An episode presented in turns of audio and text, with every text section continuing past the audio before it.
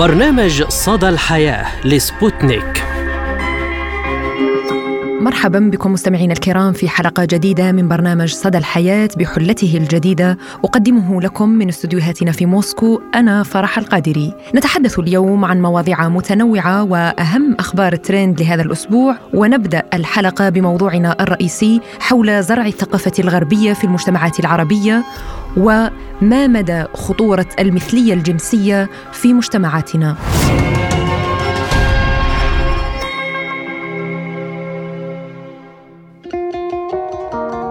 مجتمع الميم وعالم المثلية العالم الذي اختلف عليه كثر بين معارض لهم بشدة وبين متعاطف معهم. فإلى أي مدى تصل خطورة غرس ثقافة المثلية الجنسية في عقول الأطفال وأبناء الجيل القادم؟ وكيف يمكن معالجة هذه الظاهرة وحماية الأطفال من إدخال أفكار من خلال الرسوم المتحركة والألعاب والأفلام والمنتجات. مجتمع الميم في المجتمعات العربية منبوذ بكل شكل من الأشكال ومحرم في الشريعة الإسلامية وحتى في القوانين ويعتبر من المحظورات المجتمعية والدينية. فكيف يمكن تفسير هذه الظاهرة الاجتماعية التي استشرت في مجتمعاتنا بشكل كبير وفي مختلف الدول العربية؟ وخاصة أن منظمات حقوق أجنبية تدعم حقوق هؤلاء المثليين وكيف يمكن للأسرة حماية أطفالها من التعرض لمحتويات إعلامية تدعم بين السطور المثلية الجنسية سواء من خلال أفلام كرتونية ورسوم متحركة وألعاب إلكترونية ومنتجات صناعية وما تأثير الغرس الثقافي الغربي على عقول أبناء الجيل الجديد في تثبيت هذه العقلية وتغيير الجنس واختياره.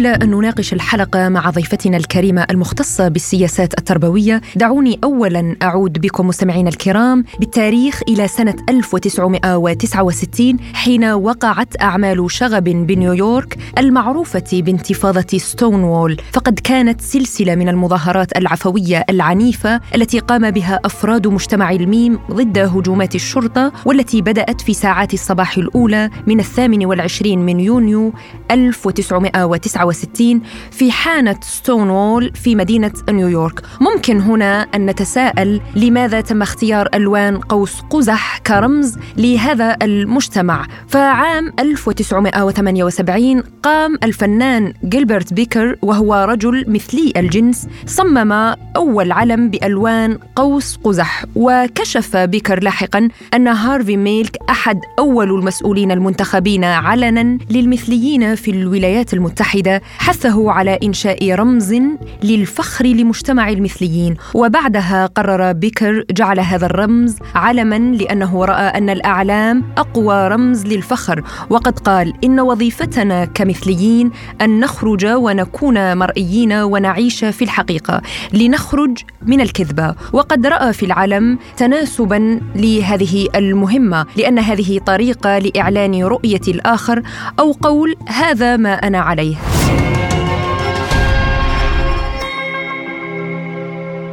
وحتى نناقش هذا الموضوع أكثر مستمعينا الكرام نستضيف معنا من المملكة العربية السعودية الكاتبة والمؤلفة والفنانة التشكيلية والدكتورة في السياسات التربوية منى علي الحمود. أهلا وسهلا بك دكتورة منى وشكرا لك على تلبية الدعوة. بالبداية يعني دكتورة أمر المثلية الجنسية كما تعلمون ويعلم المستمعين هو موجود منذ القدم وليس بالجديد.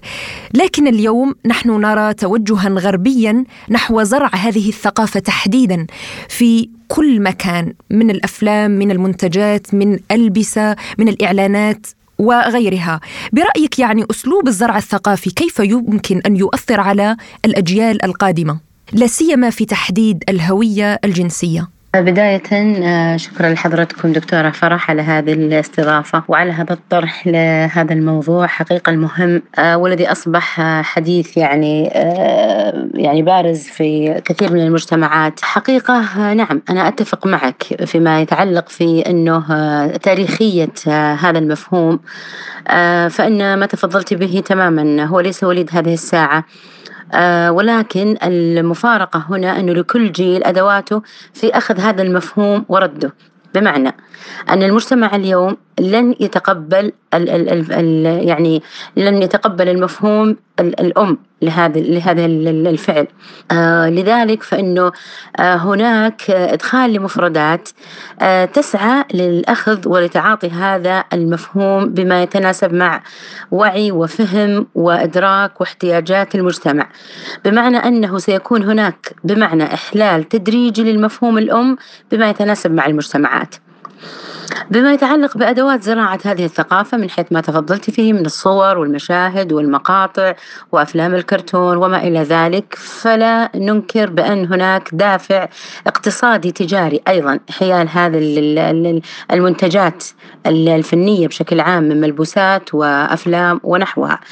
آه، أن الترويج لهذا المفهوم آه، خلينا نقول المستنكر أو الغريب على المجتمعات يجعل هناك إقبال من البعض على اقتناء هذه الأشياء آه، من رغبة الإنسان بفك الغموض.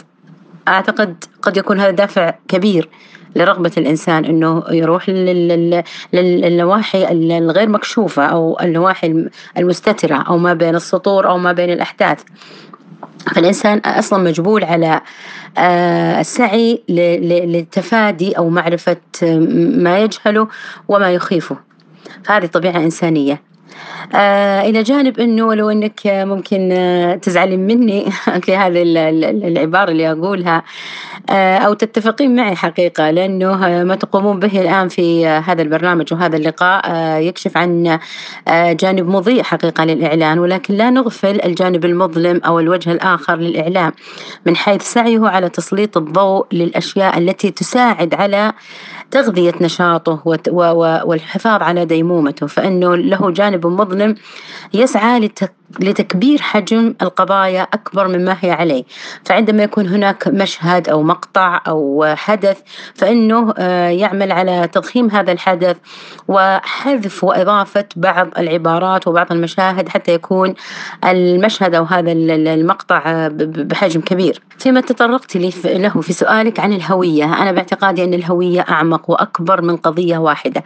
الهوية هي ماهية وذات للإنسان. فمن المؤكد أنها ستتأثر ببعض الأشياء ولكن لن يفقد الإنسان هويته التامة أو تشوه هوية تامة عفوا بسبب قضية من القضايا. آه السعي إلى إقحام هذا الموضوع إعلاميا وعلى وسائل التواصل الاجتماعي آه خلال العديد من التصريحات خلال العديد من المنتجات. هذا لا يعني أنها ستقتحم للهوية وتلغيها أو أو أو تؤثر فيها بتأثير جذري لأن الهوية مبنية على اعتقاد والاعتقاد صعب الخلخلة فيه. آه بالنسبة لهذا المفهوم أو لهذا الوضع الحالي الذي نعيشه الآن حيال هذه القضية اللي هي قضية المثلية لابد من تعزيز الجوانب الوضعية العلمية الطبية لفهم هذه الظاهرة بشكل منصف وواضح حتى لا يكون هناك تمييع لها. وما يعني يؤدي إلى وجود ضبابية قد تدفع بكثير من الناس الدخول إلى دهاليز قد تجعل أمر هذه القضية أكثر تعقيدا وأكثر تشابكا وخلال هذه المفترقات قد تسمح للعديد من وجهات النظر المتطرفة أنها تدخل لهذه القضية وتحملها ما لا يعني فوق احتمالها. أه، طيب دكتورة منى حين نتحدث عن المثلية في المجتمع العربي سواء بالنسبة للعرف والدين والتقاليد والمحرمات خاصة برأيك يعني دكتورة إلى أي مدى يمكن أن يسمح الغرس الثقافي الغربي لهذه الظاهرة بالمرور في العقول بشكل تلقائي؟ وأصبح الكثير من الناس يعني يتقبلون الأمر ويعتبرونه مثل الفطرة الإنسانية كما يقال.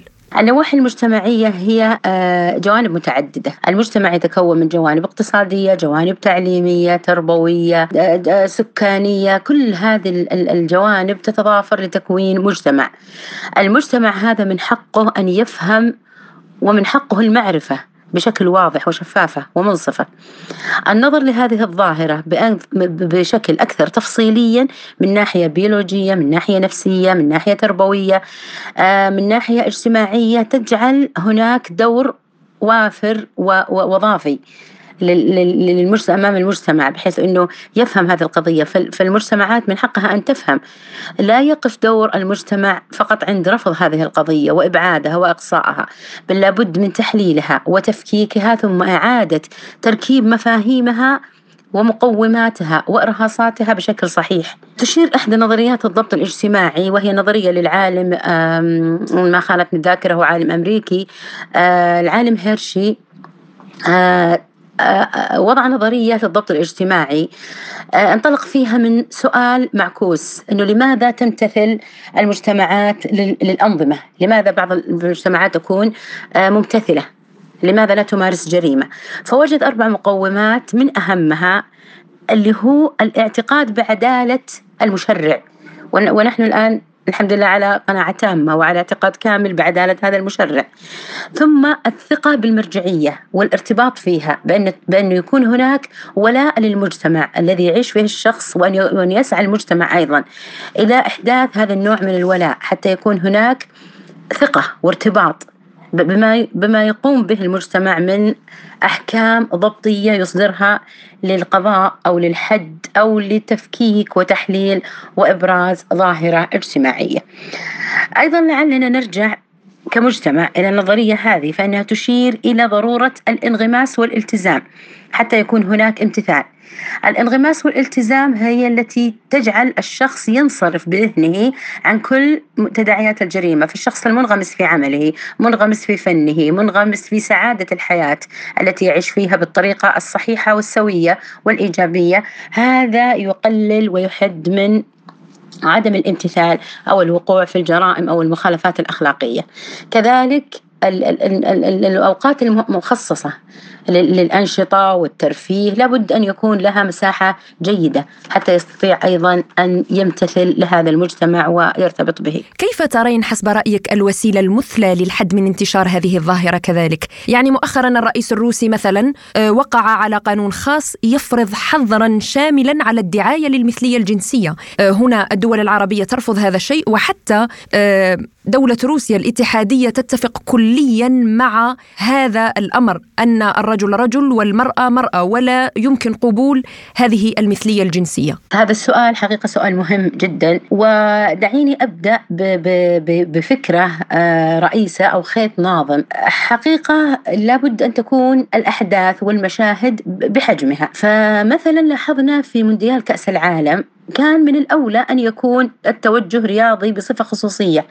أكثر من كونه يتوجه لأفراد ويتوجه لشعارات ويتوجه لطرف وطرف النقيض. فكل فعل ليس له ردة فعل بل له ردات أفعال. وهناك ردات أفعال ظنوا أنها تكون إيجابية في هذا في هذا المحفل ولكنها سمحت ومهدت لظهور آه، ردات فعل مناهضة قد تكون الدعوة إلى مثل هذه السلوك الأخلاقي إحدى تداعياتها وإحدى نتائجها. حقيقة لدينا آه، فيما يخص من بسؤالك عن الوضع في المملكة العربية السعودية. نعم آه، هناك نظام ضبطي واضح ومشرعا له آه، قواعده وأصوله الأساسية وهو ليس حديث يعني هو موجود أصلا في المجتمع السعودي ولكن دعيني أكون منصفة لعل تفعيله بطريقة نظامية وبطريقة مدنية أصبح اليوم واضح للعيان. فهناك عقوبات وهناك آه، تشريعات وهناك آه، أمور يعني أصبحت واضحة في آه، إحداث ضبط من ناحية مثلا التحرشات والقضاء على أي أسلوب من أسلوب التنمر أو الفوقية أو العنصرية أو كلها تصب في منحى عدالة، وجود هذه النظم والضوابط والعدالة هذه تساعد على طمأنة المجتمع بأنه لن يكون هناك تفريط من جهة الجهات المسؤولة في الحد الضبطي والقانوني آه، لأي سلوك غير لائق أخلاقيا آه، لا يرتضيها المجتمع ولا يرتضيها الواقع الحالي حقيقة آه، بكل تداعياته طيب يعني بالنسبة للمجتمع السعودي كيف يتعامل مع هذا الأمر؟ لابد أن نلتفت إلى منظومة تعتبر من المنظومات التربوية والضبطية والتطبيعية للمجتمعات وهي منظومة التعليم. حقيقة أنا أعول على التعليم كثيرا لأنه كل مفصل في المنظمة التعليمية وله دور في في في حماية المجتمعات وفي تطبيعها وفي هيكلتها آه، في رسم صورتها الذهنية وفي تعديلها وفي تقديمها بالصورة الحقيقية. لذلك أنا أرى أنه لابد أن يكون المنظمة التعليمية والمنظومة التعليمية أن لا تقف خجولة أمام هذا مثل هذه المشاهد. آه، ولا تقف متحفظة آه، إزاء مثل هذه القضايا المهمة. لابد من تصميم وإدراج وإدخال مقررات مقننة تربوية تسعى إلى آه، بث روح معرفة حقيقية عن مثل هذه القضايا مثل مقررات التربية الجنسية مقررات التربية الإعلامية لأنه زي ما قلنا أنه. للإعلام آه، جوانب مظلمة لابد من كشفها وقراءة ما وراء السطور فيها وما آه، خلف النص لابد أنه تقديم نوع من التربية الإعلامية للطلبة والطالبات حتى أنهم يستطيعون أن يقرؤون الإعلام بطريقة صحيحة. كذلك عندنا لابد من إدخال مقررات للتربية الأخلاقية التي تجعلنا نعيش تحت قيم إنسانية آه، تساعدنا على أن نفهم الآخر الفهم الصحيح. آه، من جانب آخر لا ننسى همجية الجانب الاقتصادي فإنه يقتحم كل شيء وزي ما ذكرنا أنه يبيع بلا هوادة فإنه قد يكون الإعلام يشهر هذه الأشياء من باب جوانب اقتصادية. آه، الناس أخيرا يعني بحاجة للمعرفة بحاجة للفنون بحاجة للترفيه بحاجة للمسؤوليات والثقة وبحاجة للحياة جيدة وسعيدة. الحياة ذات الجودة والسعادة هذه تساعد الإنسان على أنه يكون أكثر امتثالا أكثر وضوحا أكثر فهم لكل ما يطرح أمامه. أه سؤالي الأخير يعني كنصيحة ما هي نصيحتك للآباء والأمهات بخصوص الرقابة على المضمون الإعلامي الذي تبثه سواء القنوات عفوا أو يعني مواقع التواصل الاجتماعي؟ دعيني أتحدث بشكل أكثر شمولية وأكثر عموم عمومية. هناك دور تربوي يلقى على عاتق جميع مؤسسات التربية المجتمعية وجميع مؤسسات التنشئة الاجتماعية مؤسسات التطبيع. لابد أن يكون هناك اهتمام بحقوق الطفل في حفظ عقله من التعرض لما قد لا يتحمله من مشاهد من ألفاظ من آه، حكايات. نجد للأسف أنه كثير من الأطفال يعني لا لا يتم حمايتهم من من الدخول للمواقع التواصل الاجتماعية بل والمشاركة فيها. لابد أن يهيأ ويصمم. محتوى معرفي عن هذه الظاهرة. يشمل جوانبها البيولوجية جوانبها النفسية جوانبها الذاتية التي تتعلق بذاتية الفرد حاجاته انطباعاته ميوله اتجاهاته. كل هذه أشياء تدخل في ذاتية هذا الإنسان. لابد أن نسعى إلى تلبية احتياجات المتربي سواء كان طفل أو كان مراهق حسب آه خلينا نقول الهرم ماسلو لأنه آه شامل لكثير من الاحتياجات التي يحتاجها الإنسان حتى أنه يعيش حياة ذات جودة. آه لابد أن فهم خصائص النمو وتغيراتها أن أتقبل جانب النمو الجنسي عند الطفل. لابد أنه يكون عندنا نمو جنسي في مرحلة من المراحل يبدأ. فأنا لابد أني أكون إنسانة متقبلة لهذا الظاهرة الطبيعية في النمو كما أتقبل نموه الجسدي نموه الانفعالي نموه العقلي لابد أني أتقبل نموه الجنسي وأحاول تفهمه وتهذيبه. آه لابد أن يكون عندنا تعزيز لمعرفة الطفل بذاته وأنه تركيبه متناسقة عقليا وجسديا وحسيا وانفعاليا حتى أنه أفهم الطفل أنه أي خلل في أي مكون من مكونات هذا الكيان العظيم فإنه سيؤثر على المكونات الأخرى. شكرا لك على هذه المداخلة. كنت معنا من المملكة العربية السعودية الكاتبة والمؤلفة والفنانة التشكيلية الدكتورة في السياسات التربوية منى علي الحمود.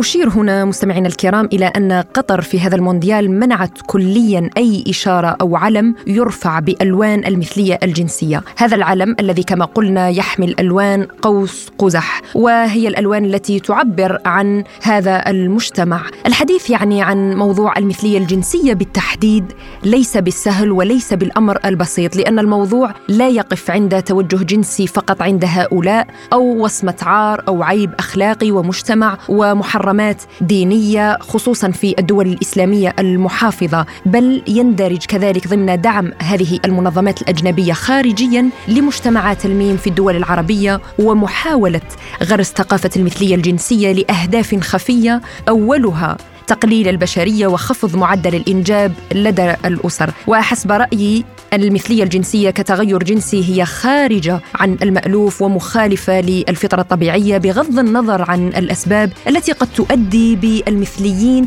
إلى اختيار تغيير جنسهم يعني نتيجة آه، تعرضهم للتحرش أو اعتداءات جنسية أو الاغتصاب في الصغر. يعني مشكلتي ليست فيما أنت عليه هذا الأمر يعنيك أنت لكن بالمقابل حريتك تنتهي عند بداية حرية الآخرين ولا يجب عليك تعديها. لا تجبرني أو تجبر أبناءنا على مشاهدة ميولاتكم وتصرفاتكم. وتقبلها كأمر طبيعي. وبالنهاية يعني يبقى هذا الأمر محل جدال ونقاش بين إخفائه للحد من انتشاره أو إخراجه للعلن لفرض فكرة تقبل حرية اختيار الآخر في جنسه وهو الأمر الغير مقبول يعني في الفطرة الإنسانية.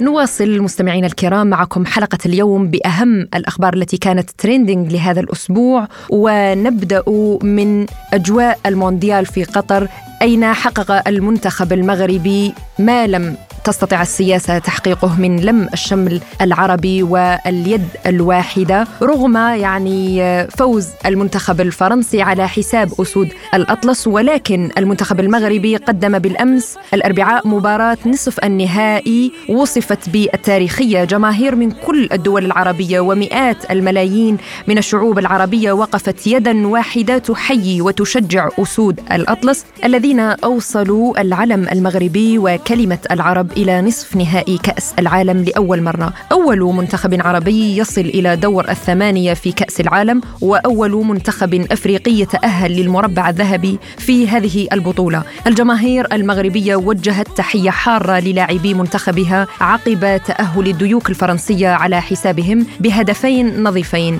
ولم يتوقف دعم الجماهير لهذه الأسود لأكثر من 90 دقيقة ثم وجه الجمهور في استاد البيت الذي احتضن المباراة تحية حارة للفريق عند انهيار لاعبيه على أرضية الملعب حزنا على ضياع حلم التأهل للنهائي. من جانبه الرئيس الفرنسي إيمانويل ماكرون الذي حضر المباراة من مدرجات الملعب هنأ المنتخب المغربي على مشواره الجميل في هذا المونديال وقال في تغريدة مرفقة بصورة للاعب المغربي أشرف حكيمي والفرنسي كيليان امبابي عبر حسابه الرسمي في تويتر إلى أصدقائنا المغاربة. تركتم بصمة في تاريخ كرة القدم. نشير إلى أن أسود الأطلس سيخوضون مباراة أخرى مستمعينا الكرام أمام كرواتيا لتحديد صاحب الميدالية البرونزية المركز الثالث وستجرى المباراة يوم السبت المقبل. كان أصلي ما وإلى تونس الخضراء حيث تم إيقاف مغني الراب التونسي سماره وحجز أقراص مخدرة إثر مداهمة منزله. أفادت قناة التاسعة التونسية بأن النيابة العمومية بنابل أذنت بالاحتفاظ بأربعة أشخاص من ضمنهم مغني الراب سماره إثر مداهمة وحدات الأمن لمنزله والعثور على كمية من المخدرات. وأوضحت القناة نقلا عن مصادر مطلعة أن دورية أمنية في مدينة الحمامات استوقفت شخصين على متن سيارة وتم تفتيشها والعثور على بقايا مخدرات. ونقلت عن المصادر قولها إن المذكورين حاولا رشوة أعوان الدورية الأمنية بعرض مبلغ مالي مقابل إخلاء سبيلهما. وفي حين تم إعلان النيابة العمومية التي أذنت بالاحتفاظ بهما على ذمة البحث من أجل تهمة استهلاك مادة مخدرة ومحاولة رشوة دورية أمنية وبالتحري معهما اعترف أنهما كانا في طريقهما إلى منزل مغني الراب سمارة. وإثر مداهمة منزل سمارة وتفتيشه تم العثور على بقايا سجائر. تعرف بالزطلة كما تم العثور على أقراص مخدرة فيما أذنت النيابة العمومية بالبحث في الواقعة والاحتفاظ بهم.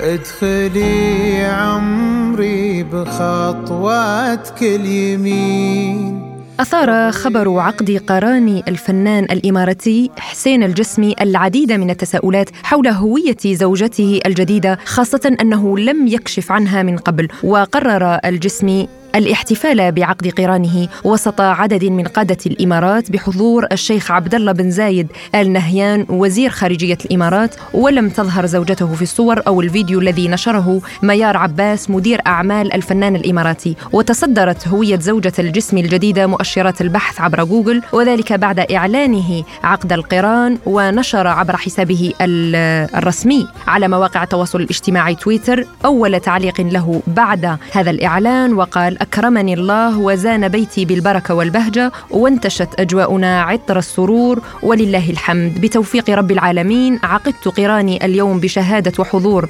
ومباركة المعازيب والأهل والأحبة. نتمنى للفنان الإماراتي الزواج السعيد والذرية الصالحة.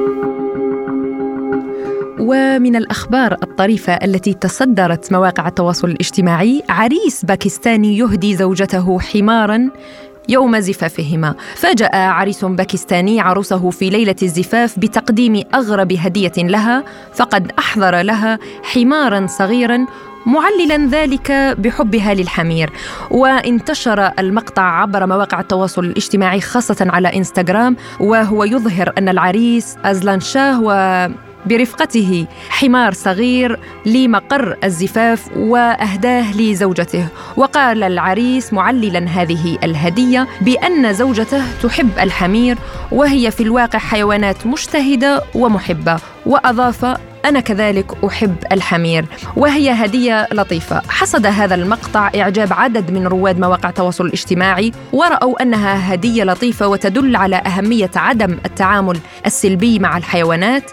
فيما اعتبر آخرون أن الهدف من تقديم هكذا هدية غريبة خاصة في حفل الزفاف هو البحث عن المشاهدات المليونية ولفت انتباه رواد مواقع التواصل الاجتماعي.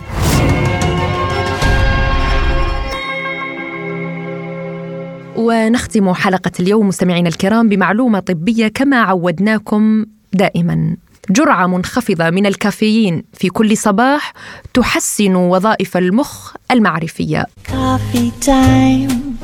أظهرت دراسة أجريت في تايلاند باستخدام تخطيط كهربية الدماغ EEG والاختبارات المعرفية أن الذاكرة العاملة تتحسن بعد تناول مشروب يحتوي على الكافيين. في الصباح وأظهرت تسجيلات التخطيط الكهربي انخفاضا في نشاط موجة ألفا وهو نوع من نشاط الدماغ غالبا ما يرتبط بالنعاس. بعد تناول مشروب يحتوي على الكافيين مقارنة بمستوى النشاط السابق ويتم استهلاك المشروبات المحتوية على الكافيين مثل القهوة أو الشاي ومشروبات الطاقة وغيرها على نطاق واسع في جميع أنحاء العالم. وغالبا ما يتم تناولها كذلك في الصباح لزيادة زيادة اليقظة وتقليل النعاس وتحفيز الانتباه العام والإثارة. ومن منا لا يحب القهوة وبكل أنواعها. نصل وإياكم مستمعينا الكرام إلى ختام حلقة اليوم من برنامج صدى الحياة. كنت أنا معكم من استديوهاتنا في موسكو فرح القادري. دمتم في أمان الله وحفظه. إلى اللقاء.